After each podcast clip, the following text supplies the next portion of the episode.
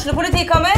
Ine Jansen er purk. Er du purk? The motherfucking bitch. Alt jeg vil, er å finne ut hva som skjedde med mannen min. Jon Carew. Er jeg sikta for noe? Iben Akeli. Det er du. Ole So, Lars Berrum og Big Daddy Karsten. Hvem sin side er du på, egentlig? Anette Hoff, Tone Danielsen, Kommer du fra Afrika? Jørnis Josef, Nesten. Kløfta. Trond Espen Seim, Det er synd å si det, men det var feil mann som døde. Purk. Premiere tirsdag på TV2 Play.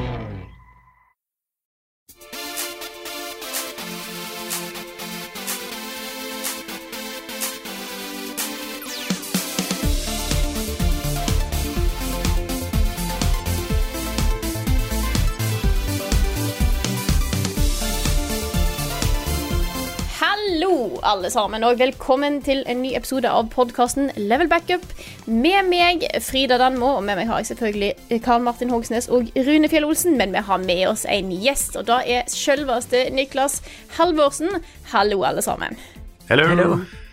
Hei, Frida. Jeg syns ikke den intro introen der var representativ for stemningen i eh, har redaksjonen akkurat nå. hatt litt tekniske problemer i dag. Det er alltid like spennende når vi skal ha liksom, Discord, hvor noen er i samme rom, og noen er Ja. Og på andre sida av Norge og sånn. Jeg tenkte vi skulle prøve å liksom få opp stemningen litt her. Ja, det, det er veldig bra, var- Ja. Og så er det tidlig, ikke sant. Klokka, eh, klokka er mye mindre enn den pleier å være når vi spiller en podkast. Det er også sant. Yes. Nick og jeg har sovet vi, vi har sovet i natt, men vi har ikke sovet sånn kjempelenge nødvendigvis. Det ble, det ble litt seint. Ja, men da kan jeg liksom være drivkraften her i dag, da, som, som setter ting i gang. Fordi at eh, eh, for jeg, på en måte, jeg fikk sove en time ekstra i dag, jeg. Det er helt fantastisk. Eh, så jeg er egentlig ganske fornøyd. Eh, Våken og klar til å sette i gang. Så Bra. skal vi kanskje ta og snakke litt om hva vi har spilt i det siste. Hell yeah. Ja, det er jo litt derfor uh, vi har anstrengt oss for å få med deg også, Nick. For Ja. du er jo den av oss som har spilt uh, Assassin's Creed Odyssey. Ja, for jeg har jo ikke spilt noe annet heller, ikke sant?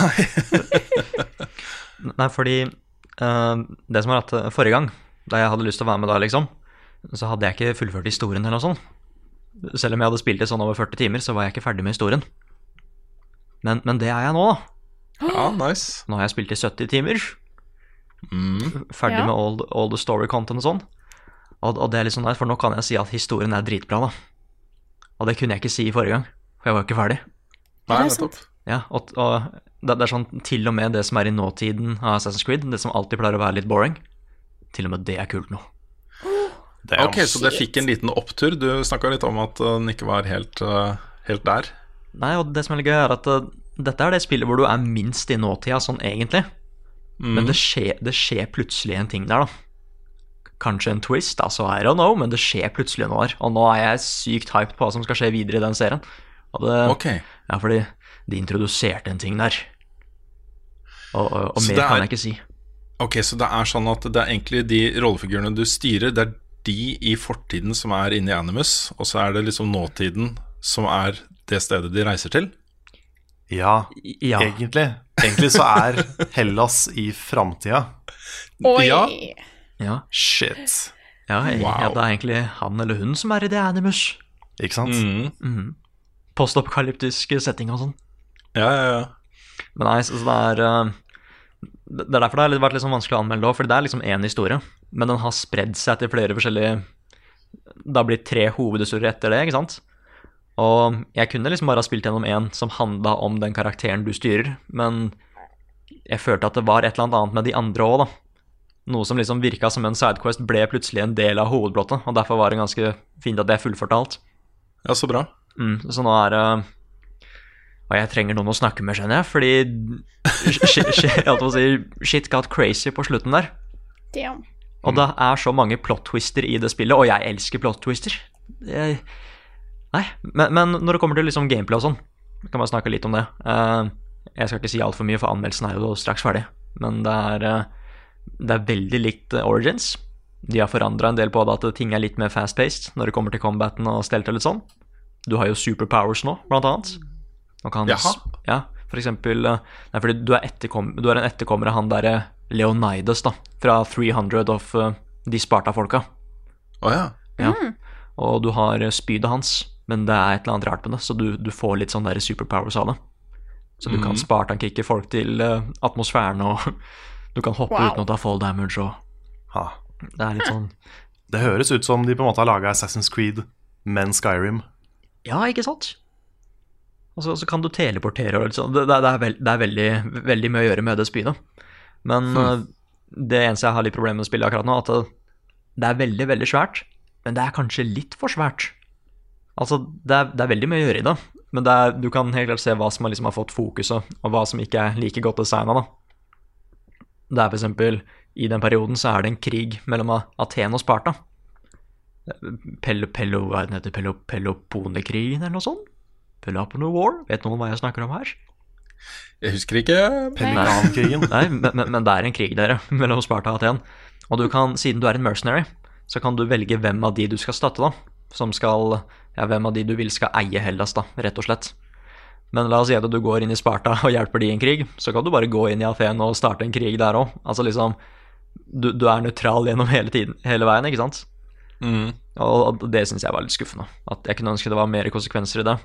For dette er det første spillet hvor du har sånne dialogvalg da, når du snakker.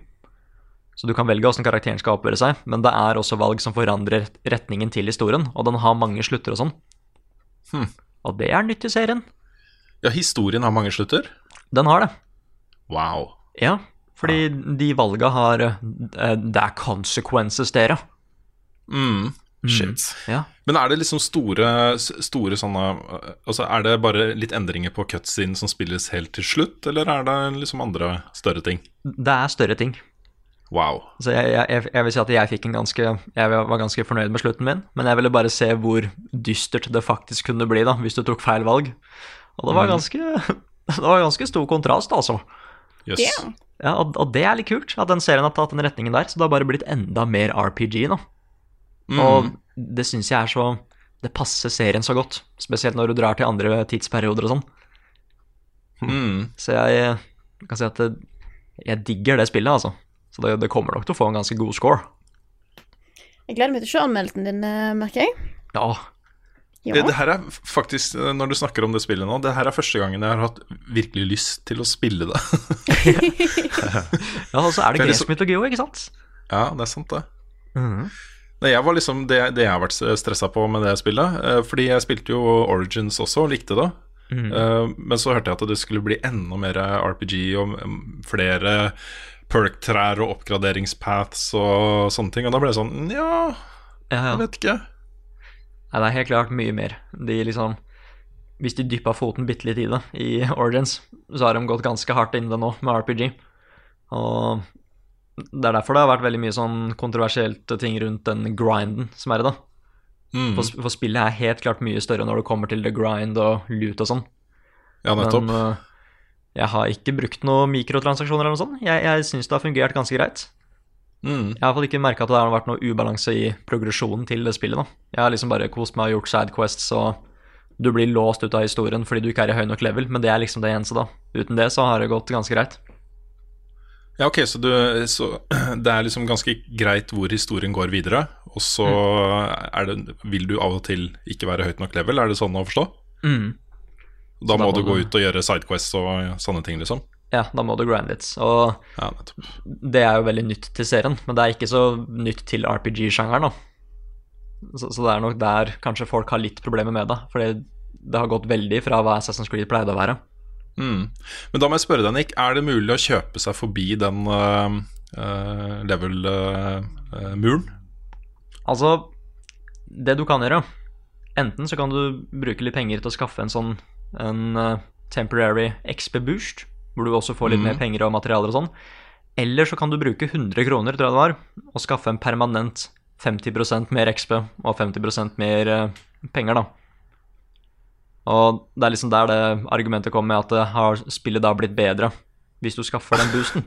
og det er veldig Det, det er så det, det skal ikke være mikrotransaksjoner i et singleplayerspill, altså. Nei, vet du hva, nå, nå mista jeg lysten på å spille igjen. Fordi jeg tenker også, Det spillet her har jo en ganske høy inngangspris også, som en del av de nye store spillene har fått. De koster jo ikke 599 lenger. Du må liksom Nå har jeg ikke sjekka prisen på dette her eh, i det siste, så det kan hende at det er en eller annen versjon av den som, som uh, koster rundt 599, men jeg tror den starter på liksom 699, sannsynligvis. Mm. Um, og egentlig, da, for meg, så koster det 799, fordi den 100 kroners 50 XB-boostingen ville jeg gått for. Ja, ikke så- sant? Ja. jeg, jeg tenker at det hadde gjort spillet bedre for meg. Når du sier 70 timer og masse grinding og sånn, så tenker jeg har jeg tid til å spille Odyssey? Nei, men har jeg tid til det med en XB-boost? Ja, det har jeg kanskje, for da snakker vi kanskje 40 timer, ikke sant? Eller 50. Nei, og det er det som er så teit med at det, liksom, det der nye Tomb Raider har jo en sånn der spesiell uh, make your own difficulty-setting, ikke sant? Ja. Har den ikke? Med at du liksom velger det med puzzles og Jo da, Ja, med... du kan Ja, det er helt sant. Ja, og jeg tenker bare at det, hvorfor ikke bare ha det gratis inn i Assassin's Creed til noen som har litt bedre tid til å spille og sånn? Men da går vi Ja. også tilbake til det at eh, det, det er litt som å starte World of Warcraft, da, hvor du må investere en del tid, men hvis du ikke har så mye tid til å begynne med, så er det kanskje litt dumt å starte med World of Warcraft, da. Jeg, jeg veit liksom ikke Jeg vet ikke hvor jeg skal trekke en fra der. Det er liksom begge sider og sånn. Dette her eh, anbefaler jeg deg i hvert fall å bruke litt tid på i anmeldelsen, Nick, fordi dette er noe som folk ikke er 100 klar over, tror jeg. Ja, det, det, At det er sånn. Jeg har en hel sånn seksjon hvor jeg bare snakker om mikrotransaksjoner. Ja, nettopp. Den, den mørke delen av anmeldelsen. Ja. Mm. Det er fordi veldig mange av de som kjøper et nytt uh, Assassin's Creed-spill, er jo folk som har fulgt serien lenge, og som har en viss forventning til hvordan progresjonen skal være i spill og sånne ting. Mm. Så ja. Ja, jeg, jeg Ja, fordi- får fram veldig godt her at uh, dette er liksom Du kan ikke bare prioritere historien her nå. Du er nødt til å gjøre andre ting, da. Fordi det er, det er ikke helt Assassin's Creed lenger. Det er liksom utviklet seg til noe annet. Hadde jeg spilt det bare for kos, altså det, det ville jeg gjort nå uansett, da, siden du skal anmelde det. Men hadde jeg hatt god tid og liksom satt meg ned med det spillet bare for kos, så ville jeg jo sannsynligvis Jeg merka det med Origins også. Det var sånn, Jeg visste hvor historien gikk, men oppe i fjellet der så var det en eller annen noen banditter som jeg kunne raide liksom for å få lut. Så jeg gjorde det, da. Ja, Og det er litt sånn jeg spiller den type spill. At jeg liker å liksom gå av pathen og gjøre ting. Så det er ikke sikkert at jeg ville merka det som noe stort problem selv når jeg spilte det, men jeg blir litt sånn Ja. Ja, det er litt, det er litt den derre De har en hundrelapp for å gjøre det lettere å grinde. De har sikkert ikke gjort ingenting for å prøve å selge deg den, liksom. Nei, det er det jeg òg tenker. De har jo kanskje skapt problemet så du skal fikse det, liksom. Ja, ikke sant? Mm. At da, da gjør de jo ikke griden veldig easy, hvis det går an å kjøpe, hvis det går an å kjøpe den lettere. Nei, det, det, det går noen rykter om at de skal fikse litt på leveling, scaling og sånn når det kommer til storyen. Så jeg skal bare følge litt mer på det. Ja, Det kan de jo godt gjøre etter at de har fått inn en milliard dollar fra folk som har brukt 100 kroner på Ikke Og så er de good guys, liksom. Ja. Hmm. Var ikke det Var det Shadow of War? Nei, Shadow of War. Ja, stemmer det. Som bare Ingen mikrotransaksjoner lenger, vi har allerede tjent inn alle pengene på et år. Vi er Ja, For det kom guys. lenge etterpå. Var det ikke Ja. et år etterpå den Jo, det var eh, ca. et år etterpå, tror jeg. Ja. Altså det, det skaper jo litt uh, hva skal vi si, utfordringer for oss som skal anmelde spill også, dette her, føler jeg. Fordi mm. um, hva, altså Hvor mye skal man vektlegge det? Du innleder, jo dette her med det som er det viktigste. At du hadde en veldig god opplevelse med dette spillet. Du har ikke brukt penger. Du har ikke sant, fullført det, sett flere av sluttene osv. Yeah. Og Det er på en måte Jeg mener jo rent sånn prinsipielt at man skal alltid liksom vurdere spillene ut fra hva de faktisk er, da, for deg som spiller det. Ikke, Ikke ikke for sånn sideliggende at det er 100 kroner for dyrere enn de mener det bør være, f.eks., eller at de har en eller annen mikrotransaksjon som for noen kan være ganske provoserende. Det er liksom kunstverket, eller verket, da, verket Assassin's Creed Odyssey som skal uh, anmeldes, ikke uh, det som ligger rundt. Mm.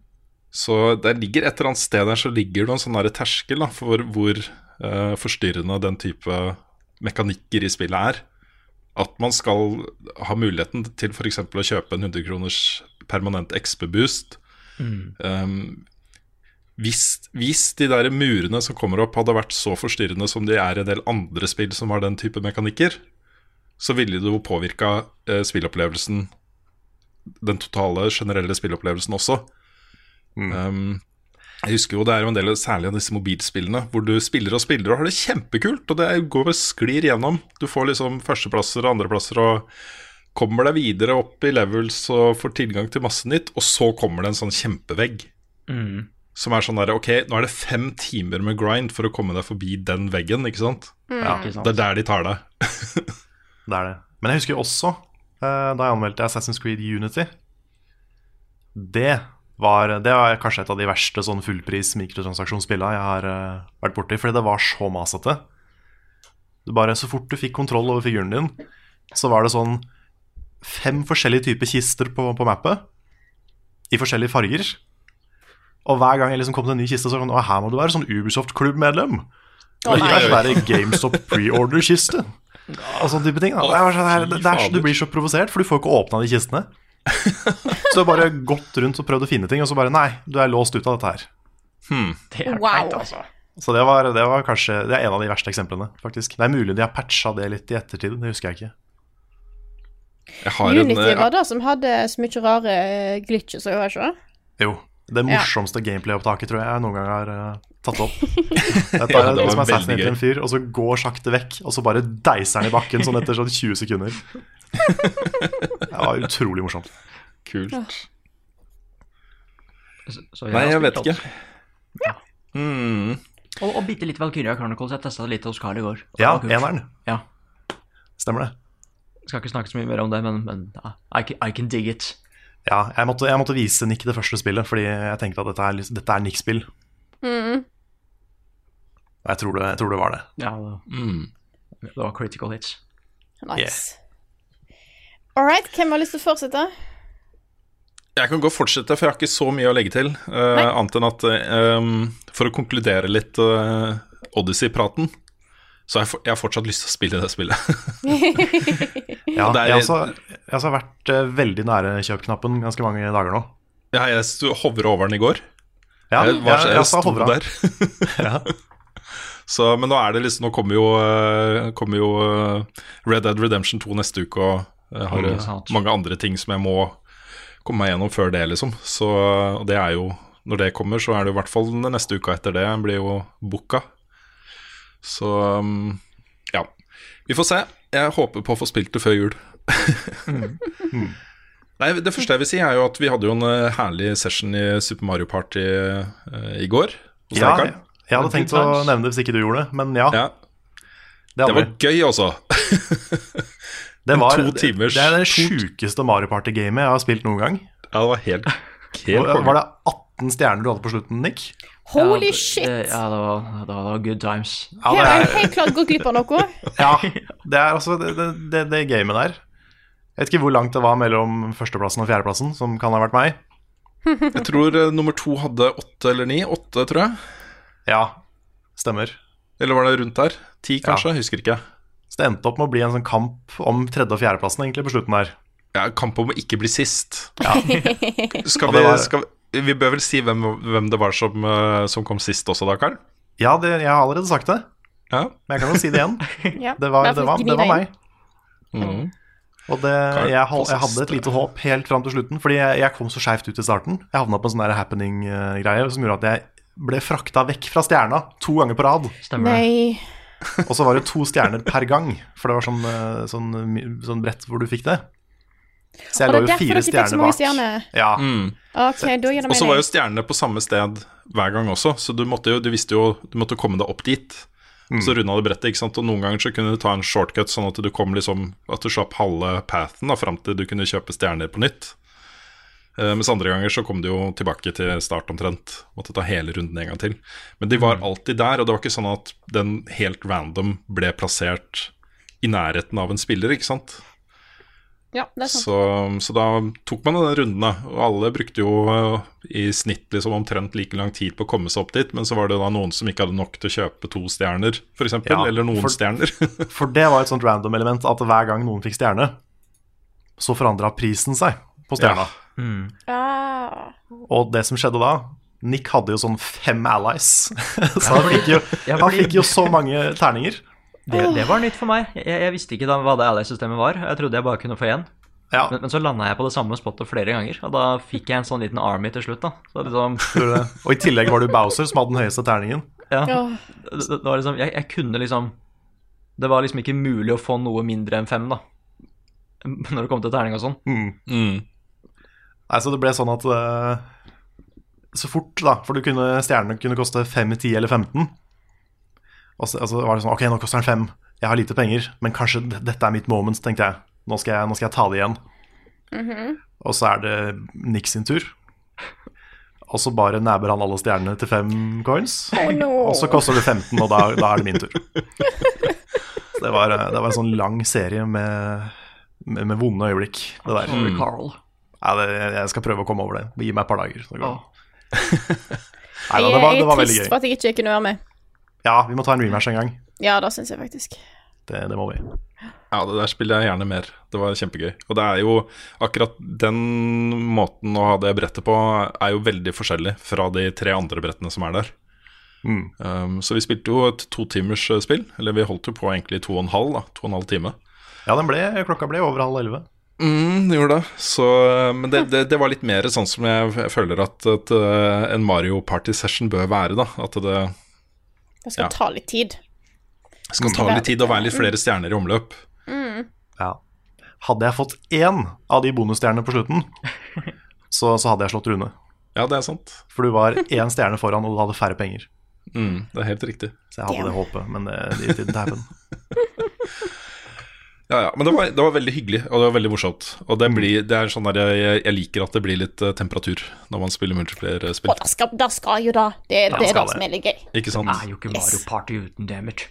Nei. Og så er det liksom sånn når, eh, når spillet pågår over så lang tid også, at ikke det bare er minispill eller et eller annet, så blir det en egen nerve på det. Så ja, nei, dette var, eh, var artig. Frister til gjentakelse. Ja. Så må jeg, jeg må bare... si, da, sånn, selv, om, selv om jeg tapte, så er det jeg, jeg sa det kanskje forrige podkast, men jeg tror, tror nok dette er det beste Mario Party-spillet kanskje ever. I hvert fall siden to. Mm. Så det er et veldig, veldig bra Mario Party. Ja, vi bør nok forlange en anmeldelse av det på et eller annet vis, eh, Karl. Ja, jeg kan, jeg kan se på det. Kult, kult, kult. Nei, ellers så um, Ellers så øh, prøver jeg å få ferdig Tomb Raider-anmeldelsen før øh, Altså, det er jo sånn Red Dead Redemption kan dukke opp når som helst nå. Mm. Og ikke sant, i dag kommer launch-traileren. I dag klokka fire. Så når podkasten er ute, så er det allerede launch-traileren for det spillet ute også. Oh god. Så det er liksom sånn Det, det, det teller sånn at det er én uke til lansering, liksom. Så eh, mitt håp da er jo at Rockstar tenker at jo, eh, vi, la oss nå gi anmelderne litt pusterom her. La de få lov til å oppleve det spillet her eh, i litt sånn ok tempo. Så mitt håp er at de får ut review-kopier før, eh, før helgen. Men uh, mest sannsynlig så er det jo ikke før mandag-tirsdag, da. Tidligst, liksom. Så, så vi får se. Men uh, gleder meg veldig. Ja, skal jeg, skal jeg ta over? Mm, Jeg kan bare nevne én liten ting til. Okay. Jeg har men også En av grunnene til at jeg var inne på PlayStation Store i går eh, Bortsett fra å hovre over Hovre over Assassin's Creed Odyssey kjøp-knappen. Det var Jeg har kjøpt nå eh, Black Ops 4. Okay. Uh, det, jeg har også veldig lyst til å få testa det før, uh, før Odyssey. Så det står liksom på programmet mitt nå å få testa det.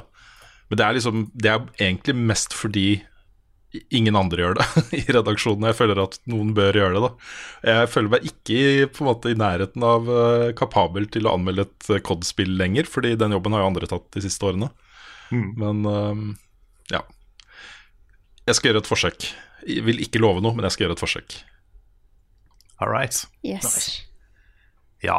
Ja. Nei, eh, jeg kan jo eh, Det har ikke så mye å legge til, jeg heller. Jeg har fortsatt på eh, Valkyria 4. Jeg spiller litt sånn endgame-content i det. Og eh, det er jo spill som bare fortsetter å gi. det, det, det var noen sånne bonusscener som du kunne unlocke etter, etter rulleteksten. Som da foregår tidligere, altså tilbake i tid, da. Det har liksom skjedd mens du har spilt hovedhistorien, men du har ikke fått sett det. Så det er sånne mid-game chapters da, som du låser opp etter hvert. Og eh, det var jo én ting eh, av, i, i kategorien anime tropes som det spillet her ikke hadde, som det mangla. Og det var jo da selvfølgelig, midt i krigen, en, en Hot Springs-scene. yes. Så Det er viktig. klart. Det er Det er kjempeviktig. Så det, det kom, da. Det kom en, jeg måtte unlocke det, men det kom en Hot Springs-scene. Hvor de, de var ute i snøen, vet du. Og, og, det, og det, var, det var storm, og de holdt på å fryse i hjel. Men så var det et sted hvor ikke det var snø. Og så tenkte jeg jøss, hvorfor er det ikke snø? Og så sier han ene, da, for han er sånn, han er sånn vindekspert, han snakker med vinden. OK. Han sier at Sure. ok, ta alle eksplosivene vi har, og bare konsentrer deg der hvor ikke det er snø. Og så gjør de det, og så er det en hot spring under. Damn. Og da kan de, ikke sant, da kan de kle av seg, så kan de ha en sånn skikkelig digg sånn badescene. Så det var, det var viktig å ha med i spillet, da. Det var vel òg jeg, du, jeg har jo igjen fått, uh, fått snap av Carl når uh, sånne ting skjer i dette spillet. Jeg syns det er fantastisk. Var det ikke noe som gikk ut av hotspringen òg? Jo, jo, det må du ha, vet du. Ja. Så det, er sånn, det var den klassiske scenen hvor en, en gjeng med menn sto og liksom holdt vakt da, mens, mens damene bada. Og så begynner de å prate, og så er det en sånn typisk eller sånn sjåvinistisk samtale. Så hun ene blir ganske sinna, kommer opp av vannet og kjefter på dem, og glemmer da selvfølgelig at hun har jo ikke på seg klær, ikke sant. Å nei, glemte hun det? ja. Det er så fort Og sånt gjort. skjer jo. Ja, Fader. Plutselig. jeg tror det er en sånn uskreven regel at eh, i, i sånne spill og sånne animes, så må du ha en sånn scene. Ja. Bare for å vise hvor lett det er å glemme at man er naken. Mm, ja. Det er liksom for å minne folk på, da. Sånn at de, sånn at vi vanlige folk ikke gjør disse feilene. Så må plutselig bare gå ut og bare Å, nei, shit, jeg er naken, ja. Mm. Ja, jeg, jeg liker å tenke at det er settingen og krigen som gjør det. At de prioriterer andre ting. Ikke sant? Så det er en sånn dypere mening bak det. Mm. Men det, det, skjedde, det skjedde jo senest i går med meg. At det ble så oppheta stemning under Mariparty at jeg gikk på do, og så kom jeg ut igjen, og så glemte jeg at jeg var naken. ja, nettopp. ja. For du pleier alltid, hver gang du går på do, så pleier du å ta av deg alle klærne òg. Ja, Alle klærne. Alltid hvis jeg bare skal gå og tisse, så bare he helt naken. Ja, OK. Jeg klarer ikke å slappe av ellers, så det er sånn ting. Nei, det, Ja. er, ikke, det, det er ikke en sånn ting. Men eh, nei, det, det, det er sånn Jeg syns det var litt morsomt at den ene tingen du kunne liksom unlocke av story Ikke den ene tingen, men en av de. Det var liksom den ene anime-tropen som mangla. Mm. Oh, Det var Hot. Springs. Men, eh, men ja, ellers har det vært uh, mer uh, Ja, Mario Party, Life is Strange snakka vi om forrige uke. Så eh, det er nok stort sett meg. Da tar jeg over ganske kjapt her. Nå har jo jeg vært tre dager denne uka har jo jeg vært på konferanse i Lillestrøm. eh, I jobbsammenheng. Eh, Så da har jeg faktisk vært på varemessa eh, og sett alle adso for at Spillekspo er der, og jeg føler bare sånn Jeg er her på feil tidspunkt, jeg. Ja. Så, så det har jeg gjort. Men før jeg dro, så rakk jeg å spille litt mer Near Automata. Så jeg har nå kommet meg gjennom eh, det jeg kan kalle for ending nummer to, altså B. Jeg Har begynt på, begynt på liksom Neste del, da, kan jeg, eh, kan jeg si. Fikk en eh, sånn liten side ending der før jeg, eh, før jeg ga meg på søndag. Så nå er jeg glad for å være tilbake igjen i Trondheim med, med har mulighet til å spille litt igjen, så jeg faktisk kan ta det opp. For jeg innså jeg bare sånn Å, jeg var så godt inne i Near Automata nå før helga, så bare sånn Ja, men nå må jeg jo reise vekk i tre dager! Det var sjukt dårlig timing! Ja. men eh, ja, jeg, jeg, jeg tror jeg sa, jeg sa litt sist uke òg, men jeg er veldig spent på hvor det går eh, videre nå, altså. Nå, eh, Du er ved den crazy delen nå, da. Ja, du er det. ja, det er, det er akkurat da, for jeg merker at eh, jeg kan det, skal, jeg skal ikke spoile noe her, hvis folk ikke har spilt, har tenkt å spille. Sånn som jeg som ligger litt bak på sånne ting. Eh, de første to gjennomgangene er litt like, men likevel ikke like i det hele tatt, egentlig.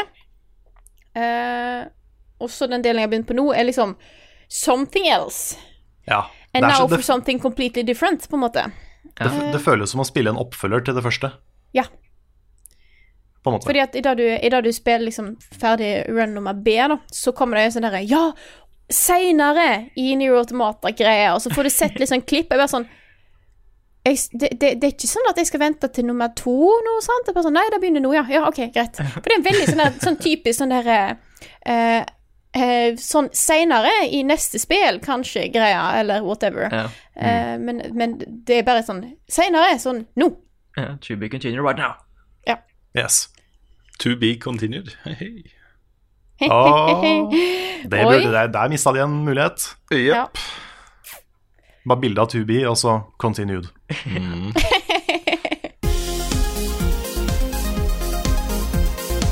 Vi er klare for å høre Rune sin anbefaling denne uka. Sett i gang. Ja, jeg har lyst til å anbefale eh, sesong to, eller egentlig hele serien, da, av NRK-serien Parterapi. Og det var en serie som jeg lenge fulgte bare via små snutter på Facebook. Og så når jeg så en eller annen video på Facebook, eh, så var det i hvert fall sånn før at da kom det jo automatisk en ny video etterpå, og det var ofte da parterapisnutter eh, fra NRK. Uh, og elsker det. Det er en komiker som heter Kevin Vågenes, som har da uh, Han spiller jo den ene halvdelen av forskjellige par. Noen, uh, noen menn og noen damer. Som går da i parterapi. Og vet du hva, det er så morsomt, og han er så flink. Det er liksom jeg, jeg trodde liksom ikke Norge skulle få en ny sånn eh, komiker som klarer å gå inn i så forskjellige roller eh, like bra som Robert eh, Stoltenberg kan gjøre det. Men han er liksom fullt på høyde med Robert Stoltenberg. Ja. Det er så morsomt. Har dere sett den? Jeg, jeg, jeg, jeg, jeg tok og søkte det opp nå, og jeg ser litt sånn som deg, så har jeg sett klipp på Facebook.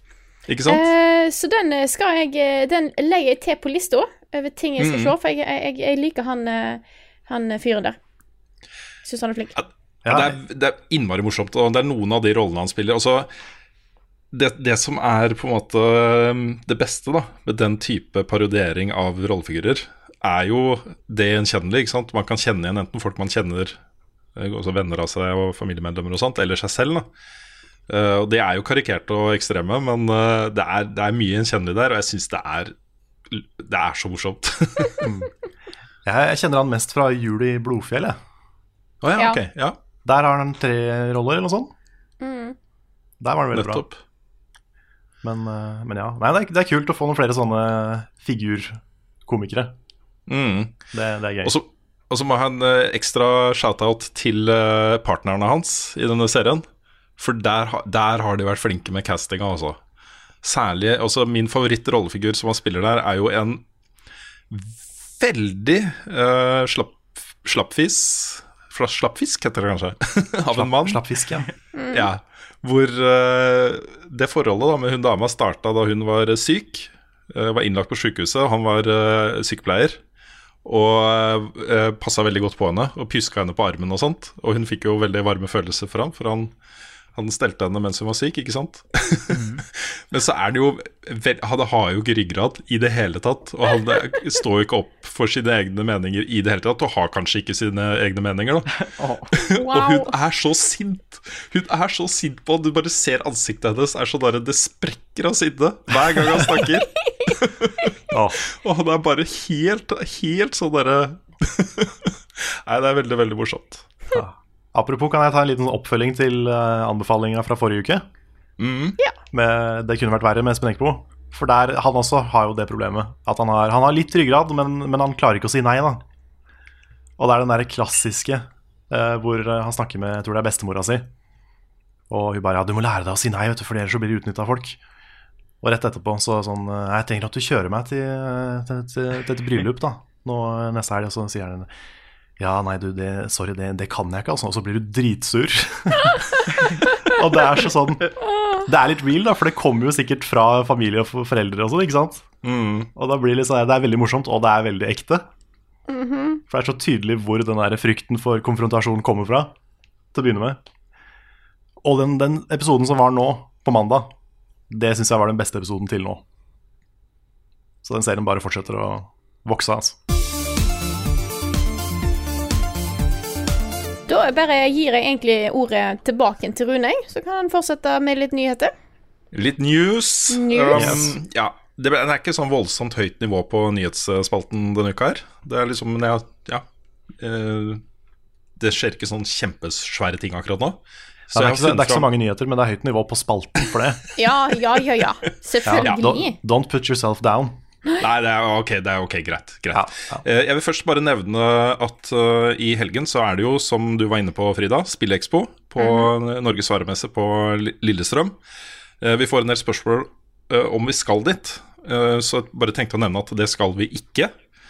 Eh, og det er ikke fordi vi ikke har eh, lyst, for så vidt. Uh, men bakgrunnshistorien her er jo at i fjor, uh, hvis ikke folk har fått det med seg, så var det jo sånn at vi søkte om pressepass. Og på den siden hvor man søker om pressepass, i hvert fall i fjor, så var det bilde av oss, Carl og meg. Ja, det var et stort bilde av oss som smilte.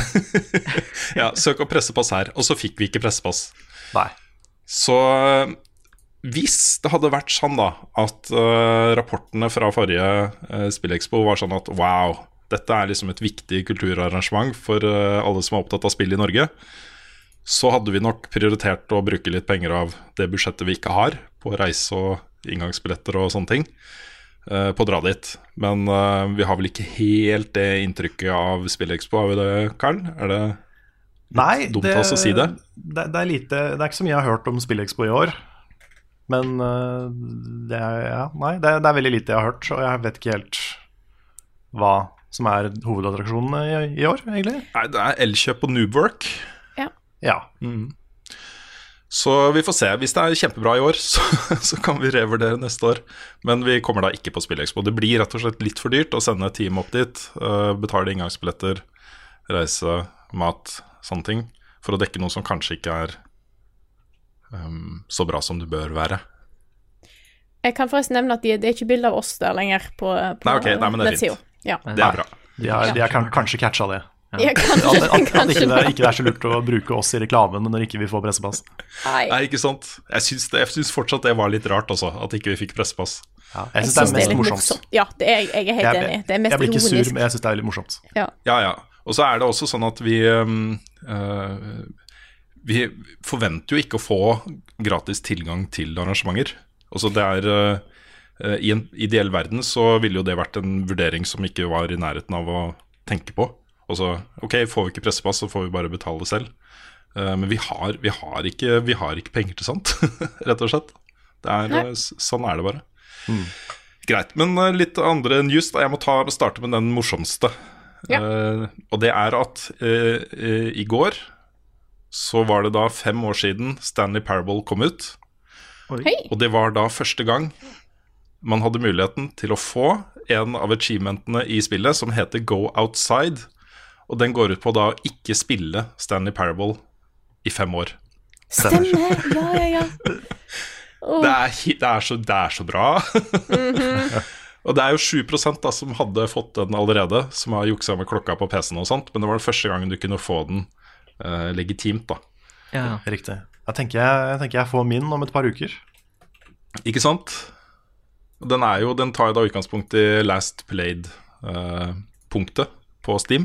Um, det, det, det spillet har en del innmari bra achievements. Du har f.eks. en som er at du må spille det i 24 timer på en tirsdag. Ja, stemmer. Og så er det en som er uh, unachievable. Som, Unachievable. og det- Unachievable. Um, okay. det, det er, det er uh, rundt 4 som har fått den. Men det er ingen som helt vet altså Den endrer seg hele tiden hva, hva kriteriene er. For den endrer seg, Det er ingen som vet hva kriteriene er, så det er helt random, tror jeg, om du får den. Ja, Min favoritt der er en som du skal, du skal sånn click on door et eller annet så og så mange ganger. Så går du bort og skal gjøre dette her, og så får du beskjed om å fortelle seg om sånn Å ja, du er her for the achievement. Ikke Ja, sant? ok. Og så er det altså en hele ting som foregår der, og så er bildet kaos. Den er fin. Den likte jeg.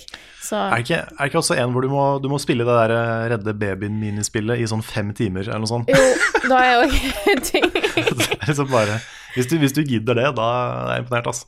Ja. Ja, jeg ble litt glad jeg, når jeg, da jeg den saken, for det, det her kommer jo fra at utvikleren tvitra om det. At uh, ok, folkens, nå kan dere få den go outside-achievementen. Jeg syns det er litt kult at fem år senere, fem år etter det som jeg husker som en utrolig uh, flott spilleopplevelse, så blir vi minnet på hvor bra den opplevelsen var.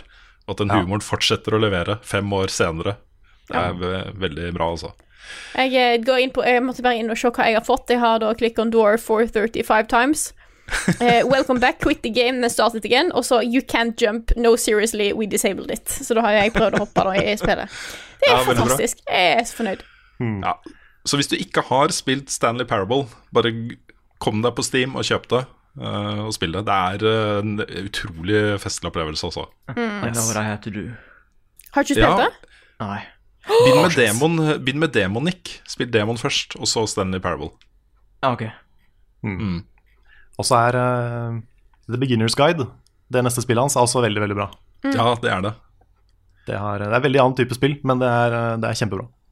Absolutt. Greit, Yes. vi kan gå litt videre. Det er en ting vi har snakka en del om de siste årene, og det er jo uh, hva skal man si, aversjonen hos uh, Triple A blockbuster-utviklere til å dykke ned i uh, current events og samtidspolitiske diskusjoner. Det er en som heter Alf Kondelius, Condelius, eller han heter vel sikkert Alf Condelius, siden dette er Massive og svensk, liksom. Alf Condelius. Alf Condelius. han er COO, og det er vel Chief, Chief Operating Officer, er det ikke det, Frida? Du som Hva som er COO? Ja, jeg tror Ja, det da er er Chief Operating Officer. Ja, det er det jeg er, er det ikke det? Ja, det er, eh, det er korrekt. Ja. Um, han har sagt i et intervju til Games Industry Biz, hvor han har fått spørsmål da, om, eh, om eh, politikken eh, og politiske diskusjoner i uh, The Division. uh, og jeg har oversatt sitatene hans, uh, så jeg kan ta de. Eh, han sier det er en balansegang fordi vi kan ikke være åpent politiske i spillene våre. Så f.eks. i The Division. Det er en dystopisk fremtid, og det er mange som tolker det dit hen at det er noe vi kan se dagens samfunn bevege seg mot. Men det er ikke riktig, det er en fantasifremtid. Og så eh, sier han videre Vi tar avstand fra denne typen tolkninger så godt vi kan fordi vi ikke ønsker å ta noe standpunkt i samtidspolitikk. Det er også dårlig for business, dessverre, hvis du vil ha den ærlige sannheten. Og jeg syns det er litt interessant at de bare sier det. altså, det, er, li- det er litt obvious, fordi vi føler jo litt på den, vi også. Det at eh, ok, hvis vi begynner å bare snakke om politikk og samtidsting, liksom, så blir det det vi handler om. Og så blir det på en måte det folk forbinder med oss.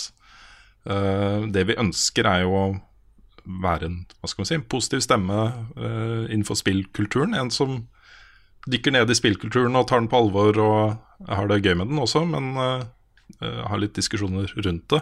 Det er en businessvurdering vi må gjøre på hvor uh, mye vi skal snakke om ting som er viktige for oss privat. da. Um, og det, det, gjelder jo, det gjelder jo for utviklere også.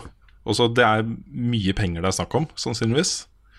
Så jeg har en viss forståelse for det, men samtidig så fjerner jo på en måte den type vurderinger spillmedier bort fra det å være viktig, på en måte. Det å være innlegg i en uh, debatt om hva slags samfunn vi skal leve i og sånne ting. Eh, Og jeg, jeg tenker at den kanskje i større grad skyr unna den type uh, vinklinger enn f.eks. bøker og eh, TV-serier, sånne ting. Ja, det, det, er, det er noe i det. Og da- synes jeg på en måte Er det da litt rart å velge den settingen som The Division har valgt, tenker jeg?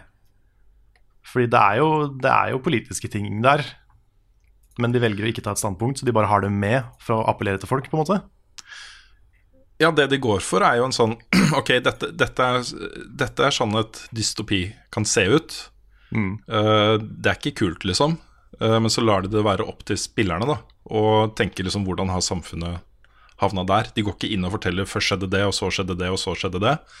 Eh, et, en god sammenligning blir jo uh, Handmaid's Tale, som jo først var en uh, hardtslående bok, og så en hardtslående TV-serie.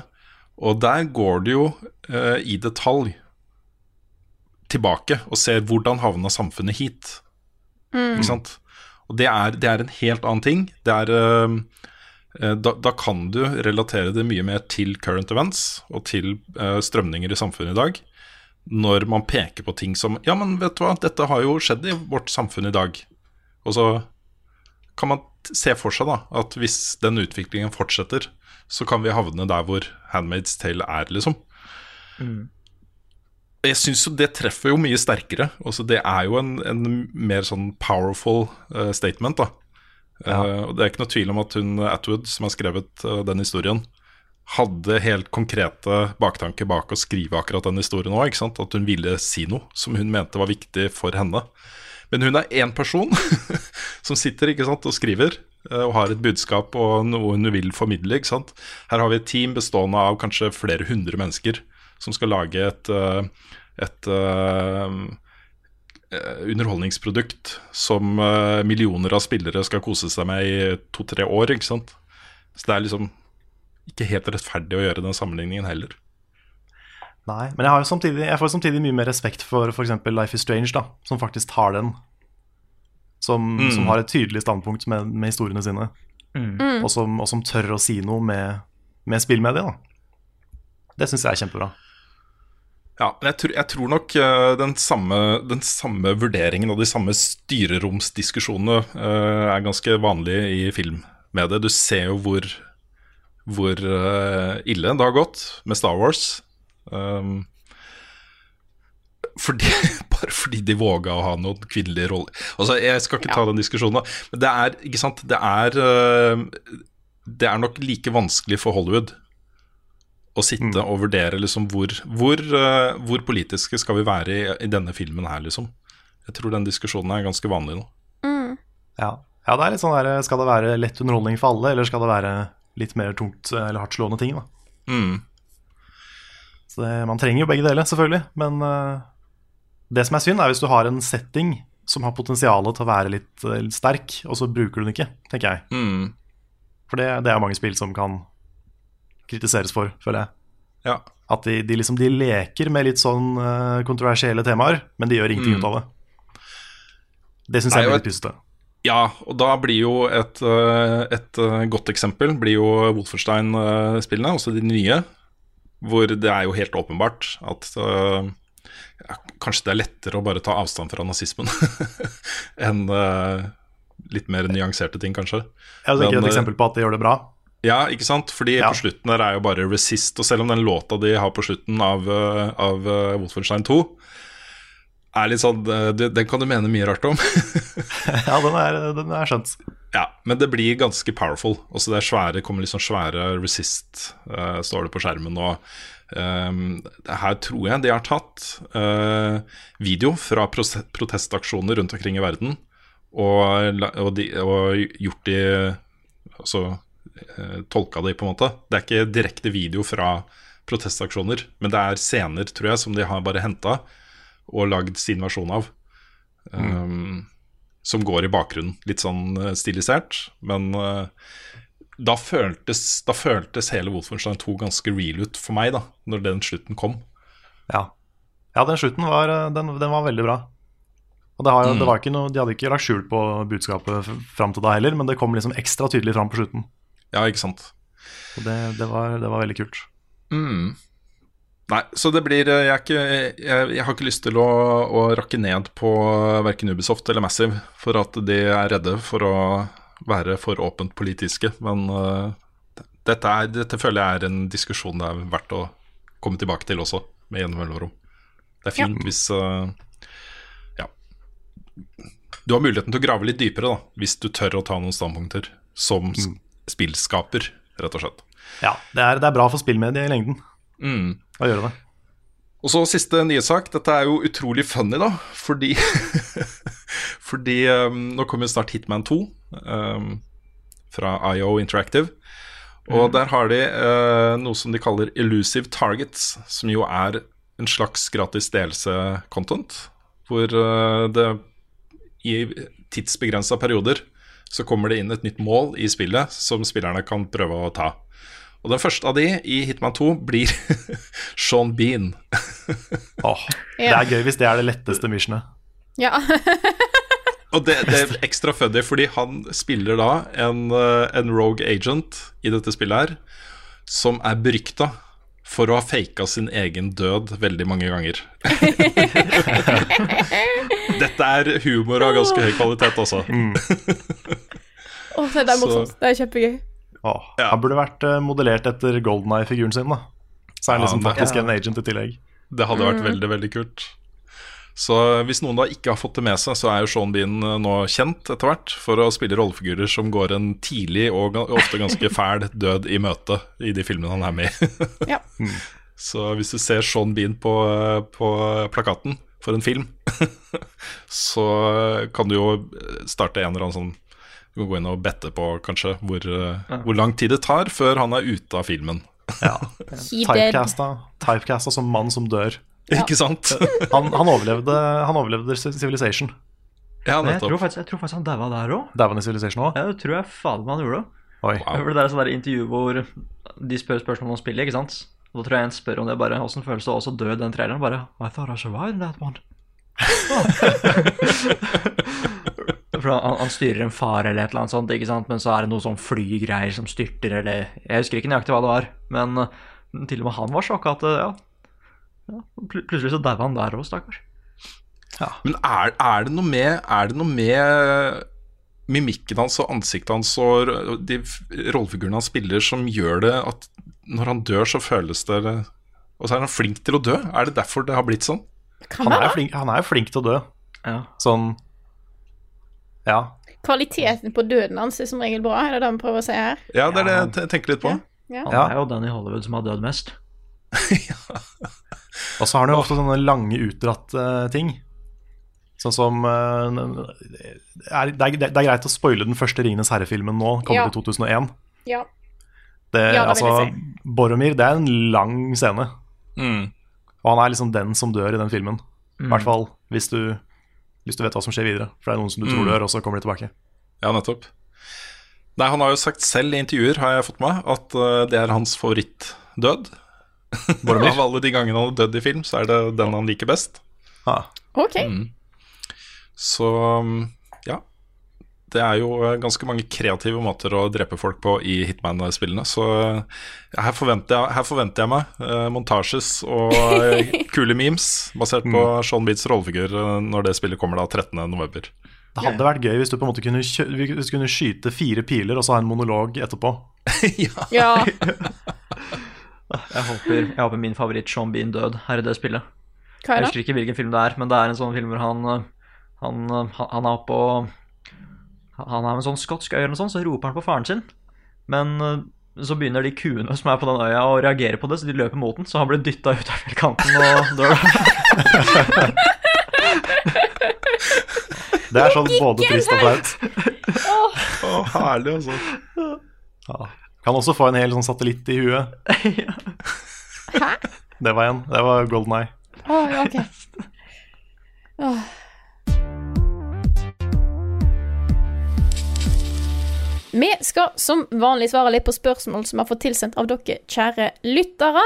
Og vi begynner selvfølgelig med det viktigste, kanskje spørsmålet av de alle, ukens spørsmål.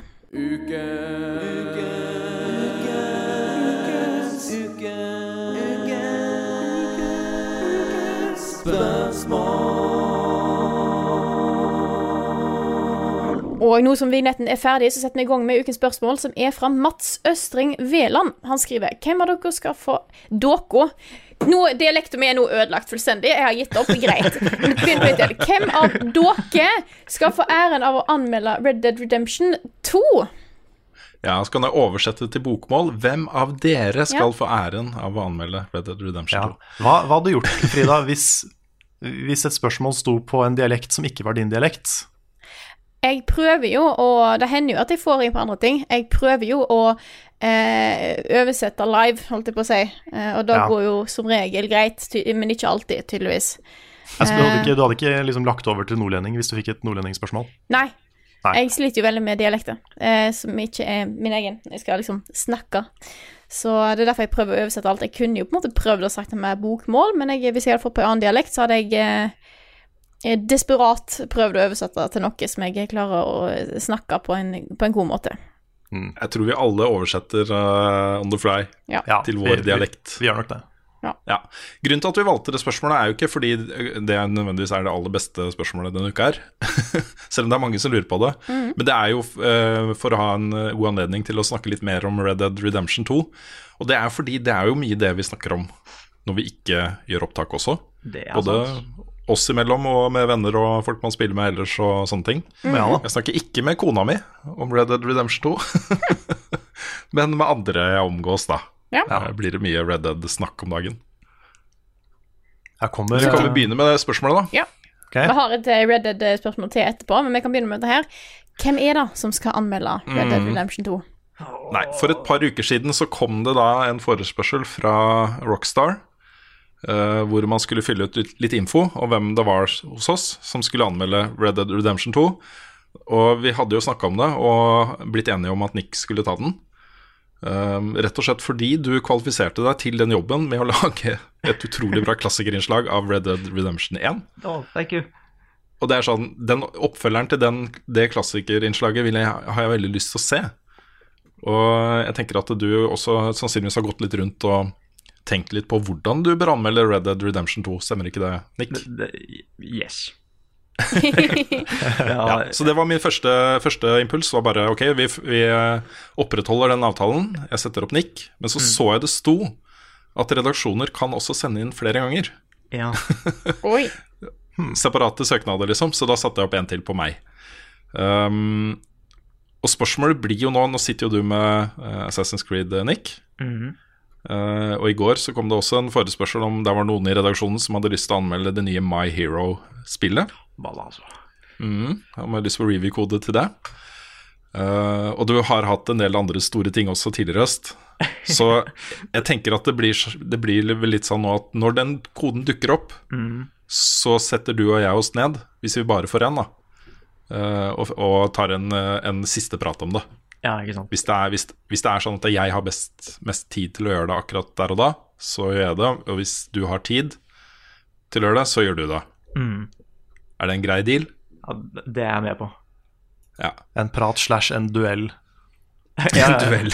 Du, jeg duellerer ikke mot Nick. Det er ikke også, Da må det være fullstendig random hvem som vinner. Nei, pokker, du vinner de òg, vet du. Du har sikkert en sånn derre stein, saks, papir, eh, analysert og studert er rekkefølgen på Jeg tror det bare er en veldig høy luck-stat. Kanskje det. Nei, Vi har jo et visst håp da om at vi får to, og at vi kanskje kan gjøre et eller annet sammen der, Nick. Mm. Så um, jeg er litt sånn nå at jeg har veldig lyst til å spille det umiddelbart, med en gang det kommer kode.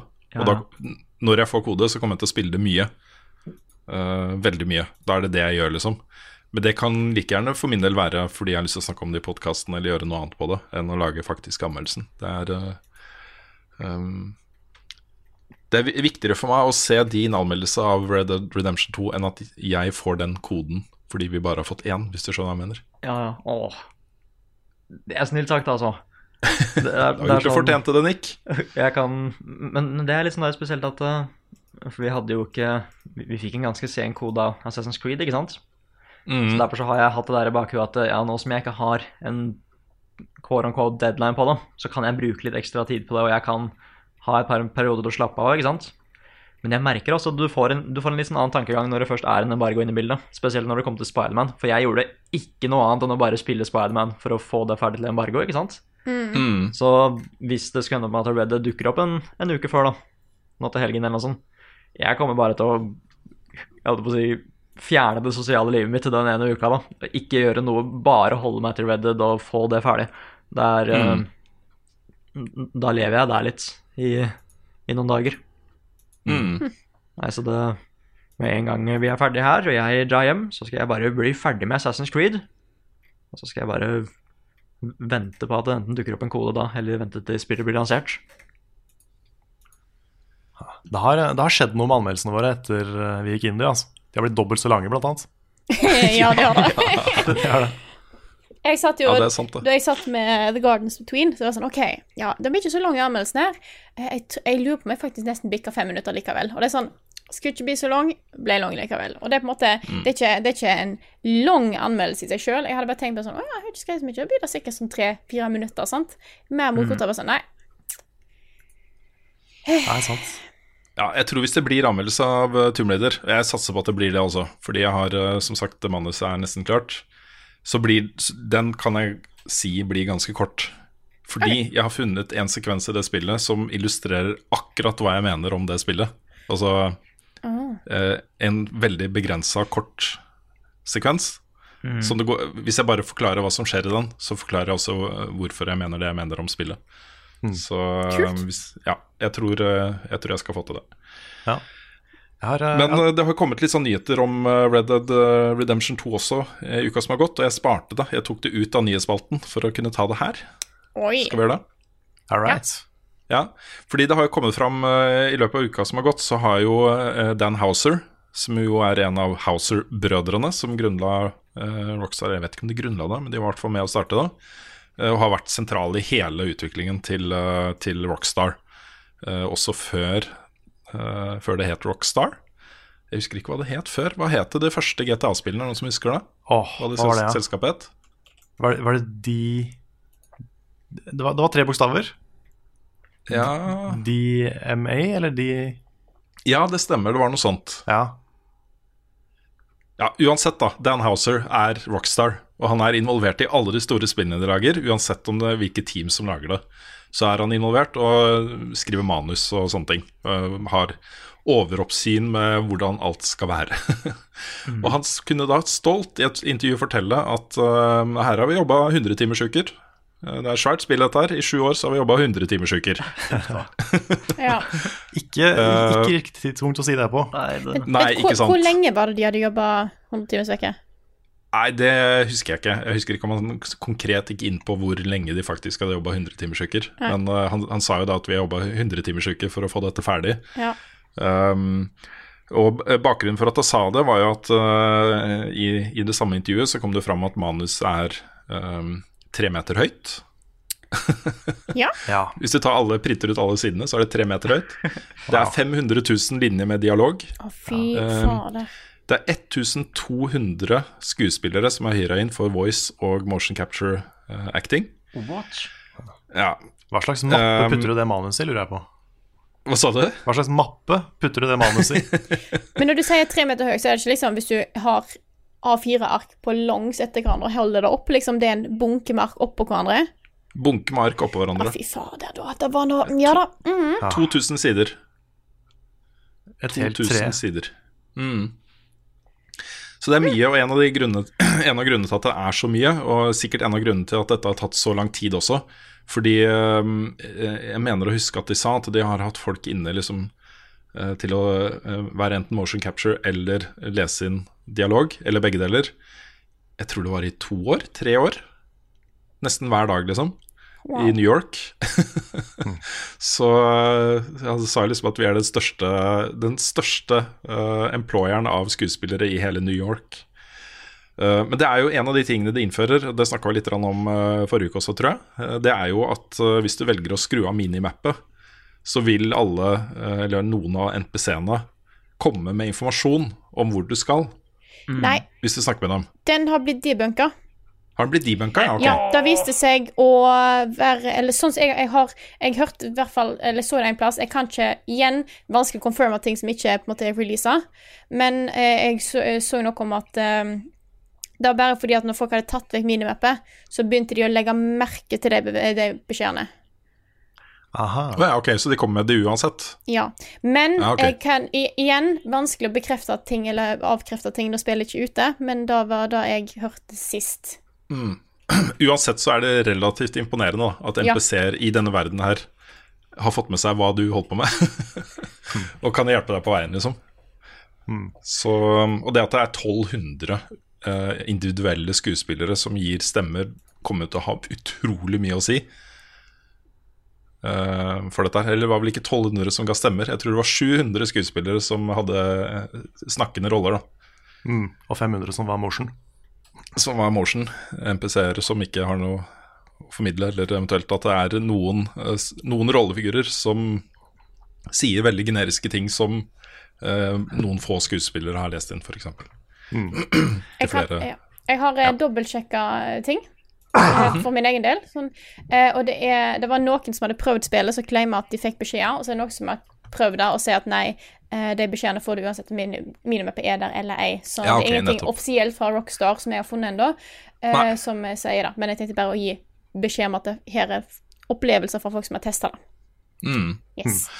Men jeg har, um, jeg har prøvd å følge litt med på den der uh, arbeidsukesituasjonen på, på Twitter, blant annet. Mm. Og det er jo en del eks-Rockstar-ansatte som har kommet ut og kommentert det. Og det har visst ikke vært bra i mange år. Mm. Hvor det, det, altså det var sånn Det var ikke noe krav om det, men det var en forventning om at du skulle komme inn i helgene, og du skulle liksom hele tida være på jobb. Hvis ikke så ble sjefene skuffa. Ja, fordi Dan Houser har jo gått ut etterpå og sagt at uh, nei, nei, det var ikke sånn ment, liksom. Det er helt frivillig, og det er bare en gruppe av oss som har gjort det. Og det er ikke sånn overbyggende for selskapet at vi pålegger ansatte å jobbe 100-timersuker. Nei, ikke sant.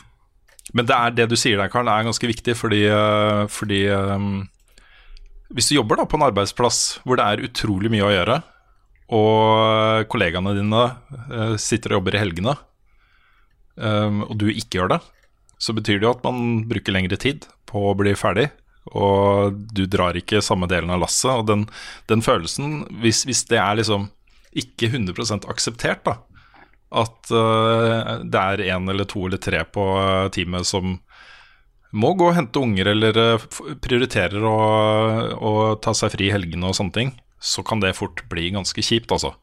Mm. Ja, det var visst også en sånn uh, Husker jeg ikke hvem det var som sa, men for eksempel, da, så kunne det være en sånn holdning om at å ja, du får jobbe på Red Dead, men det, det syns vi ikke du skal gjøre fordi det, det, kommer i veien for familien din. Ikke sant? Mm. Og det er ikke bra, ass. Nei. Nei, det er ikke bra. um, det er jo masse snakk om, uh, om uh, at spillutviklere bør uh, fagorganiseres nå, og noen er jo det. Um, men det å lage spill er ikke så gøy som folk tror, altså. Nei, jeg, jeg, har jo studert spilldesign. Har ikke Ja. så veldig lyst til å bli spilldesigner altså, lenger. Nei, samme her. Det, det virker eh, som en ofte kjip jobb. Selv om det sikkert er kjempegøy, den der opplevelsen med å lansere sitt første spill, og det å liksom få noe man har skapt ut i verden. Alt det der, det, det høres ut som en drøm, liksom. Mm. Men den prosessen er ofte tøff, ass. Ja, det som skjer her er jo at øh, ok, på, øh, her har du jo et utviklerteam, ikke sant, øh, som sitter og er kreative og har en drøm om et spill som, som ligger et stykke fram i tid, og har en tanke om hva, man, hva som skal til da, for å komme dit. Eh, men så har det et helt annet, en annen del av utviklingsprosessen, hvor det sitter suits eh, og bestemmer Begynner å booke liksom annonseplass i spillmagasiner og andre steder. Begynner å lage reklamefilmer. Eh, begynner å få hele liksom PR-apparatet rundt. Begynner å geare opp mot en dato, ikke sant. Og så må dette skje med nesten alle spill. Så må da teamet jobbe mot den datoen. Og mitt inntrykk er at de aldri har god tid. det er alltid liksom noe som kan fikses før den datoen kommer. Det er alltid noe som gjør at de blir sittende i crunch, som det kalles, de siste liksom ukene eller månedene før den datoen kommer. Og det kan være en, det kan bare være en, en ny trailer til etere. At det er en sånn ting de jobber mot. Eh, eller det kan være en beta som skal ut, eller det kan være lansering. ikke sant? Det er mange sånne crunch-perioder i en uh, utviklingsprosess. Og sånn er det å lage spill, og det er ikke Du skal ha god lyst, altså. Brenne ganske mye for å gjøre akkurat det, for å leve i en sånn arbeidssituasjon. For det pågår over så lang tid. ikke sant? Red Dead Redemption 2, sju år har de jobba med det spillet. Ja. Og så er det mange, det er mange kjipe sjefer som har den holdninga om at liksom, du er heldig som får lov å lage spill. Hvis ikke du har nok passion til å dedikere hele livet ditt til det, så vil vi ikke ha det. Det, er, det er farlig, ass. Skal vi Nå er det ikke meningen å bare bryte inn her, men skal vi gå over til det, siden du snakker om eh, hvor lenge Red Dead har vært i utvikling, skal vi hoppe videre til neste spørsmål? Ja, jeg vil bare nevne en eh, siste ting. Og, Ja. og det er at jeg vet det er noen selskaper som er flinkere enn andre Ja. til å høre på teamene når de sier at vet du hva, vi rekker ikke den datoen. Og så endrer de datoen. Særlig Ubisoft har eh, de siste årene vært veldig flinke til å si at ok, men da utsetter vi, da utsetter vi lanseringen et halvt år eller tre måneder eller den tiden som teamet sier de trenger da, for å få det helt ferdig. Ja, de hadde jo et, eh, et år med bare ødelagte spill. Fordi de ikke, Ikke gjorde sant? det, så de har jo åpenbart lært. Ja. Mm. Ja, jeg ville bare gi en liten shout-out til Ubisoft her, som jeg syns eh, Jeg vet ikke hvordan det er på teamet deres, men det er i hvert fall positivt at de velger å utsette ting kontra å bare få det ut. Det er sant. Da tar vi neste spørsmål her, som på en måte er relatert til Red, Red, Red Dead Redemption da òg. Det er fra Christian Lekroken. Han skriver Statsstar Star Citizen har vært i utvikling i under Uh, har vært under utvikling i ca. sju år, mens Red Dead Redemption 2 har vært under utvikling i ca. ja, sju år da òg. Eh, Rockstar holder dette, hem holder dette hemmelig til de har noe å vise, men Star Citizen er crowdfunded og gir backerne informasjon om fremdriften. Nå er ikke Star, Star Citizen ferdig, og det er åpenbart scope creep. Jeg er litt usikker på hva det betyr. Uh, men det er sikkert at det er jo fortsatt ikke Det er ikke ferdig, og det har jo litt igjen. Er det rettferdig at Star Citizen blir kalt et evighetsprosjekt, mens Red Dead Redemption 2 ikke blir det? Uh, skal vi straffe spill for å ha åpen utvikling? Eh, jeg jeg syns det er et godt spørsmål og et godt poeng. Eh, jeg føler nok at Star Citizen og det ryktet det spillet har fått på seg, er litt selvpåført. Ved at um, At de i hvert fall tidligere i prosessen så begynte de å snakke om datoer og i hvert fall sånn lanseringsvinduer, som jo er forbigått for lengst. Uh, og når det da kommer liksom stadig nye alfaer, og det er ingen, ingen som kan si noe om hvor dette ender fortsatt, så, så er det ganske naturlig at, uh, at folk begynner å lure, tror jeg, da. Ja, Uh, I hvert fall når det er så svært som det er. ikke sant? Og blir bare større og større, virker det som. Mm. Uh, og så er det også litt basert på, på eh, ansatte og tidligere ansatte som har uh, snakka liksom, med journalister f.eks. om hvordan det går med det spillet. Ja. så det er, ikke, det er ikke bare at man sitter på utsiden og eh, vurderer. Men når det er sagt, så er det jo et poeng, fordi eh, åpenheten rundt utviklingen av Star Citizen er jo mye viktigere i og med at det er crowdfunda. Jeg vet ikke om man kan kalle det crowdfunda lenger når det er snakk om 200 millioner dollar. Men nei, Ja, nei. Nei, det er jo fortsatt en crowd, da, men det er en veldig svær crowd. ja, det er en Ja. Ja. Um, hvis, de, hvis de hadde holdt kjeft i sju år, bare tatt imot de pengene, så Det hadde blitt, det hadde blitt Texas, det. Ja, det å, kunne da hadde folk, nei, da hadde folk vært så sinte, da. Herregud. Ehm, samtidig så føler jeg det er viktig at, uh, at uh, de er under den, uh, det øyet hos folk. Fordi dette er mye penger De forvalter pengene til folk for å lage et spill. Og hvis de ikke har noe, en, en, noe slutt eh, eh, for, foran seg selv, da, eh, de som jobber med dette spillet, så er jo fortsatt behovet for å få inn de pengene til stede. ikke sant? Det å slippe ny informasjon, lansere nye features med jevne mellomrom, nye alfaer, folk kan teste ut ting med jevne mellomrom, sørger for en kontinuerlig strøm av penger, ikke sant. Så jeg tenker jo at de som backer Star Citizen, også bør begynne å tenke på ja, kommer, blir det ferdig til slutt? Det er liksom et stort og viktig spørsmål når når det gjelder akkurat det spillet. Ja, Så- en, sånn, en litt mer sånn konkret fag... Øh, ikke fagplan, men øh, hva heter det? Fremdriftsplan Ja. burde vært eh, til stede der. Hvis ikke det er det. Nå er ikke jeg backer, så jeg vet ikke hva de får av informasjon. Så jeg tror det er mer da som er på en måte kritikken der. Det er ikke nødvendigvis at det har tatt At det har brukt lang tid når du ser på antall år. Men det er vel mer det enn at eh, når folk får en forventning til at det skulle vært ferdig for mange år siden, eh, og så tar det bare lengre og lengre og lengre tid, da føles det som en evighetsmaskin. Skjønner jeg jo. For de måtte eh, Da etter et team har sittet med et spill i fem-seks år, da, og så viser jeg frem, og så sier de at ja, det kommer ut da. Og så kommer det ut cirka da. Da gjør det ingenting hvor lenge det har vært i, i produksjon. Selv hvis noen kommer her og sier at uh, vi holder på med et spill, da kommer ikke ut før Hvis jeg hadde kommet uh, Det er jo derfor folk liksom, har litt kritikk mot Square Enix òg, da. For de sier Ja. at vi har et spill, det kommer. Men de sier aldri liksom når, så folk bare sånn Å, kommer det nå? Kommer det kanskje seinere? Kommer det da? Sant?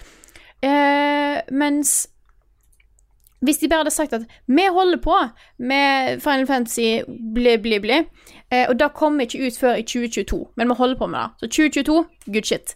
Så kan det ta da eh, de åra det tar. Men da vet folk da har folk en forventning til når det kommer. Hvis Ja. du da har et spill som sier at ok, dette blir dritbra, og det kommer om to år, og så kommer det ikke før om 28, da skjønner jeg at folk blir irritert. Og som jeg, jeg må legge til at jeg gleder meg veldig til Final Fantasy ble, ble, ble. det kommer til å bli så bra.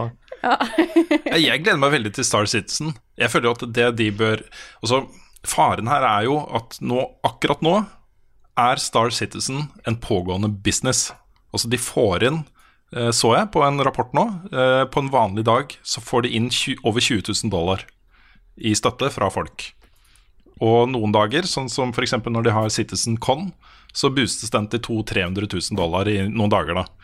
Så det er en jevn strøm av inntekter her, ikke sant, til det spillet, som drifter x antall ansatte og uh, finansierer liksom hverdagen til folk, da. uh, og har gjort det i syv år.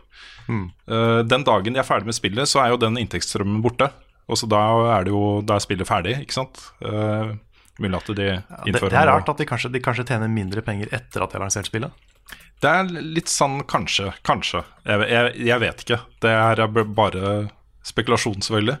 Men det jeg føler det spillet trenger uh, for å unngå uh, denne typen diskusjoner, er jo at på et eller annet tidspunkt så må de folka bare sette seg ned og si at dette er det spillet vi skal lansere.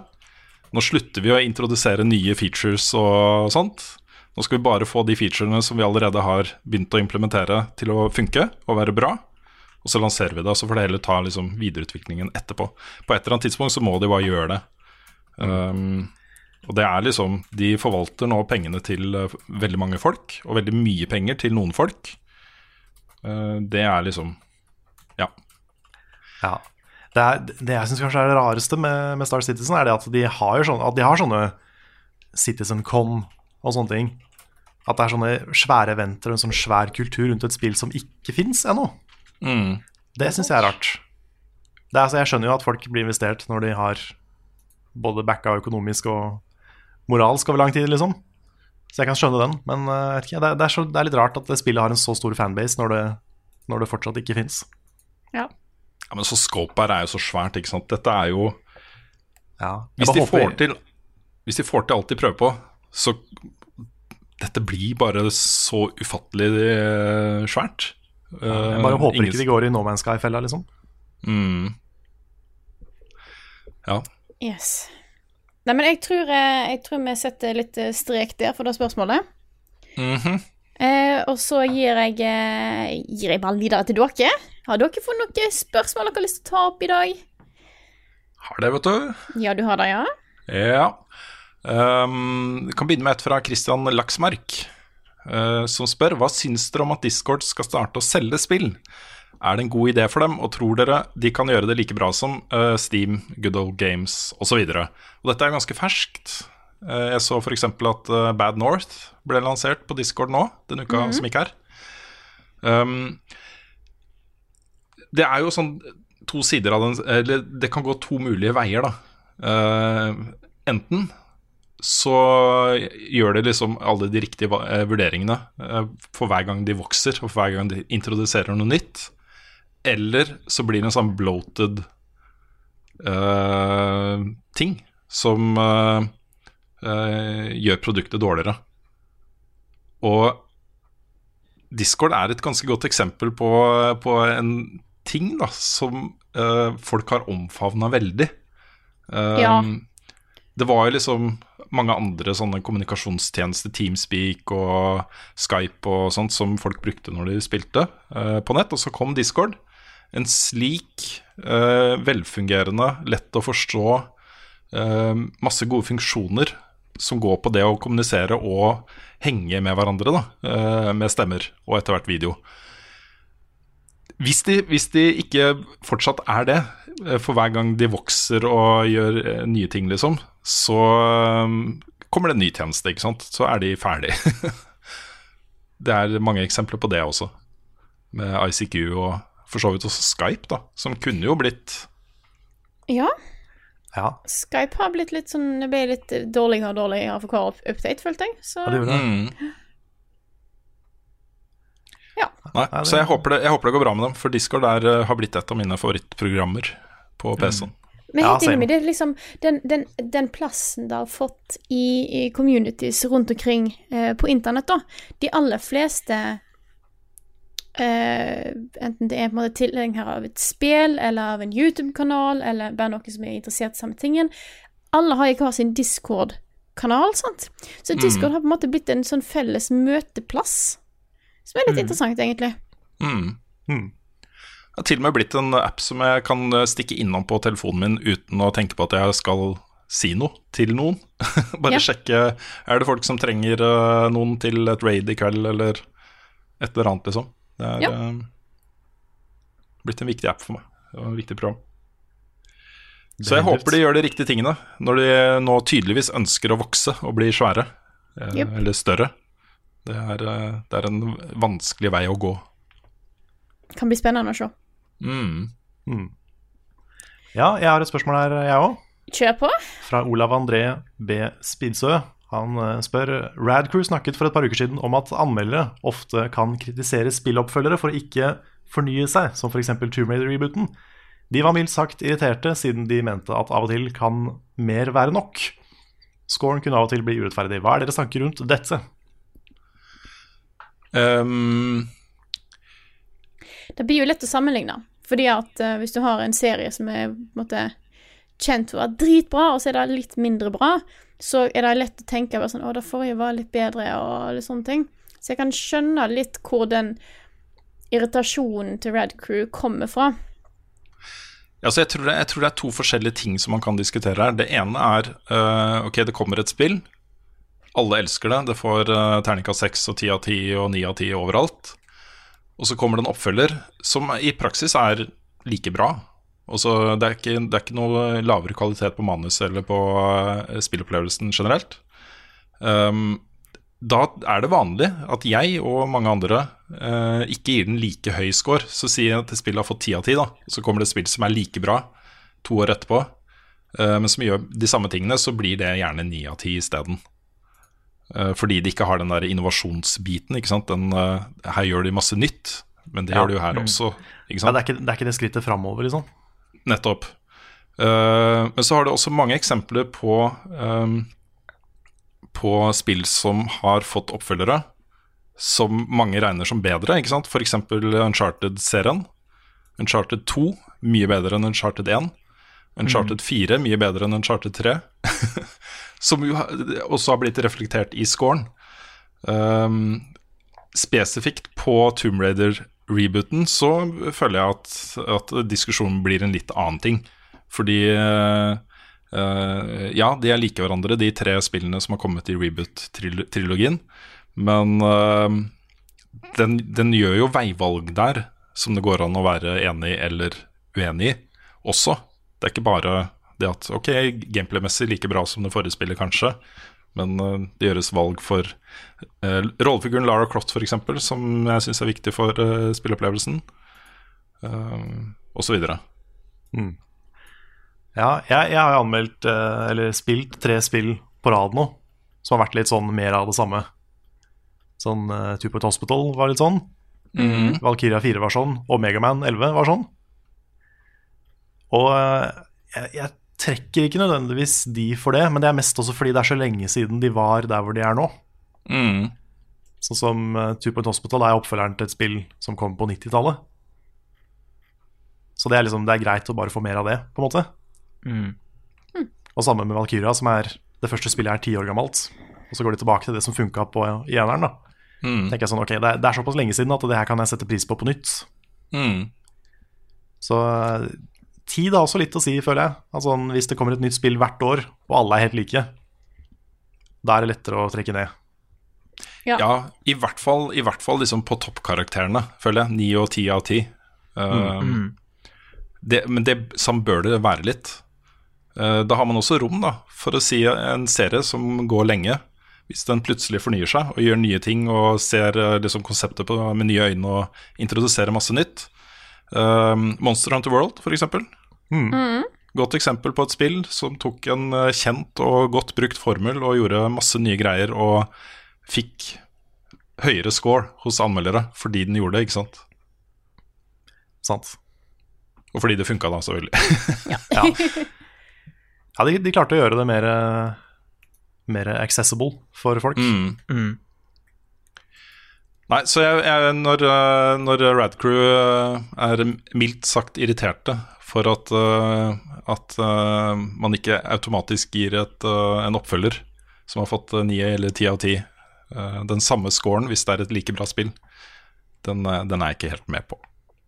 Men jeg tenker òg, hvis, hvis jeg skal fortsette dette her, da eh, Hvis et spillselskap eh, eller spillutvikler har lagd et kjempebra spill, så kommer en oppfølger som ikke er like bra, så er det sånn Jeg vet at de kan bedre. Mm. Og da blir Altså, er litt skuffa der. Ja, så er det liksom helheten nå. For eksempel, jeg, jeg må ikke nødvendigvis ha masse gameplay-innovasjoner hvis det er en bra story og alt det andre rundt det er bra. Og det, det må jo på en måte være nytt. Mm. hvis det som er nytt, er bra, så trekker jeg ikke nødvendigvis ned. La, ta, la, oss si, la oss ta um, Super Mario Galaxy, da. Første spillet. Innovasjon. Fancy. Nytt. Alt er nytt. Kult. Kjør på. Toeren, nesten alt er nett likt, bare nye verdener, og så har du Yoshi. Og ellers er det ikke store forskjell mellom de to. Det er ikke det. Nei. Og likevel så er jeg ikke skuffa over Galaxy 2. Mm. Jeg setter det gjerne høyere enn jeg gjør det første. Ja, men Så- ta eh, Breath of the Wild og Super Mario Odyssey også. Ja. Er jo oppfølgere i serier som har vart lenge. Begge fikk jo ti av ti. Ja da. Men de, de innoverte jo ganske mye, begge to. da Sånn Ja, på- men Det er derfor jeg mener det er et godt eksempel på Ja, sånn. hva, hva man må gjøre da for å, for å liksom komme helt opp dit. Ja, ja fordi hadde det vært liksom istedenfor alle de Mario-spillene som har kommet ut nå, hvis, det hadde vært, hvis vi hadde vært på Mario Galaxy 8 nå, Ja, sant. da kunne man kanskje begynt å sette på det. Ja. Ja. At eh, nå, nå er det bare det samme spillet igjen og igjen. Det er nye baner, men det er det. Dette her kunne kanskje vært DLC, den type ting. da Ja, ikke sant. Og så føler jeg jo det er en del serier som løper, kanskje med to-tre års eh, mellomrom, da. Som eh, kanskje ligger på sånn syv-åtte av ti hver gang. Da er det ikke sånn at du går ned til seks hvis det er likspill neste spill, og så til fem, og så til fire, og så til tre. Det er ikke sånn det funker, liksom. Da kan du godt ligge og vake der på sju-åtte, ikke sant, hvis eh, oppfølgerne er omtrent like gode. Men det er den tieren og, og nieren, da, i noen tilfeller, som jeg føler dette gjelder. Ja. Mm. Det er derfor jeg hadde hatt veldig problemer med å anmelde sportsspill. Steinar. Mm. Spesielt, Ja. spesielt nye som kommer hvert år. Ja, det må jo bli vanskeligere å innovere for, for hvert nye spill, Mm. tenker jeg. Mm. Det blir vel liksom bare å legge til nye modes, for det er jo grenser for hvor, hvor realistisk du får fotball, f.eks. Ja. Nå er jeg ikke noen ekspert på Fifa i det hele tatt, så jeg skal ikke uttale meg. Nei, men jeg tror vi tar og eh, Jeg tenkte jeg skulle høre med Nick. Har du et spørsmål du vil ta opp i dag? Uh, har jeg det, Carl? Har du, har du det, Nick? Um, skal vi se, Nå skal jeg prøve å lese tankene dine her? jeg sitter så langt borte. Ja, jeg ser ingenting som liksom hopper fram, altså. Nei, eh, For da lurer jeg litt på om vi skal ta og runde av her. Det kan vi gjøre. Yeah. Yes. Men da tror jeg først at vi sier en stor, fantastisk stor tusen takk til alle som støtter oss på Patron. Dere er utrolig bra folk, og vi setter utrolig pris på at dere har lyst til å hjelpe oss med å kunne finansiere uh, denne drømmen vår, som er å Mm. yeah. Tusen takk. jobbe som spillermeldere. Så tusen takk. Tusen takk. Eh, Hvis du har lyst til å bli en del av den fantastiske gjengen, så er det bare til å gå inn på patreon.com slash levelupnorge og støtte med det du sjøl ønsker. Yes. Indeed. Yes. Så får jeg si eh, tusen takk til Nick, som var med i podkasten denne gangen. Det er alltid så kjekt å ha deg på besøk. Ja, Det er det. Thank you. Det var hyggelig å få vært med. Så får, eh, håper jeg at du kan eh, ha tid til å være med en, en gang seinere òg. Ja, altså. Red Dead Redemption. Red Dead. Skal ikke, skal ikke se bort fra at Nick dukker opp igjen om ikke så lenge. Høres, eh, høres bra ut. Men da tror jeg at jeg sier tusen takk for oss. Tilt. Tilt! Ja, tilt. Ja, vi skal snart på Tilt. Eh, takk. eh, Jeg holdt på å glemme det. Under, det er under to uker til vi skal ha vår fantastiske live-podkast på Tilt. Dette er da i sammenheng med Tiltkast, som vi arrangerer sammen med Saft og Svele, Rad Crew, Lolbua, Spillmatic. Jeg har glemt en. Hvem er den siste? Oss. Ja, det er er jeg alle, tenkte det var seks stykker. jeg. Nei, det er fem. Det er bare fem, ja. Ja, jeg visste jo, jeg, tenkte, jeg vet jo at vi skal være der. Det, da, da har jeg fått med meg. Jeg, jeg, av en eller annen grunn så bare tenkte jeg at det var seks stykker. Men det er fem, fem fantastiske norske spillpodkaster. Det blir en bra kveld. Eh, så hopp inn på Facebook-arrangementet eh, hvis du vil ha mer informasjon.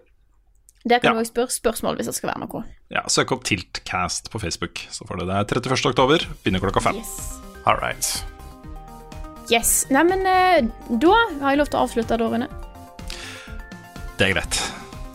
Da sier jeg tusen takk for oss. Takk for at du hørte på denne episoden her av Level Backup. Og så snakkes vi igjen neste uke.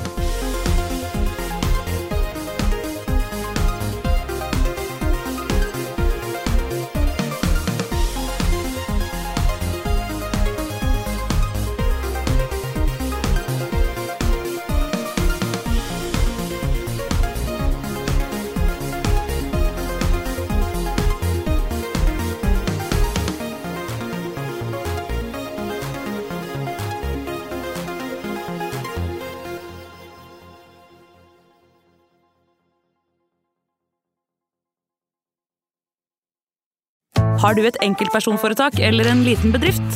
Da er du sikkert lei av å høre meg snakke om hvor enkelt det er med kvitteringer og bilag i fiken, så vi eh, gir oss her, vi. Fordi vi liker enkelt. Fiken superenkelt regnskap.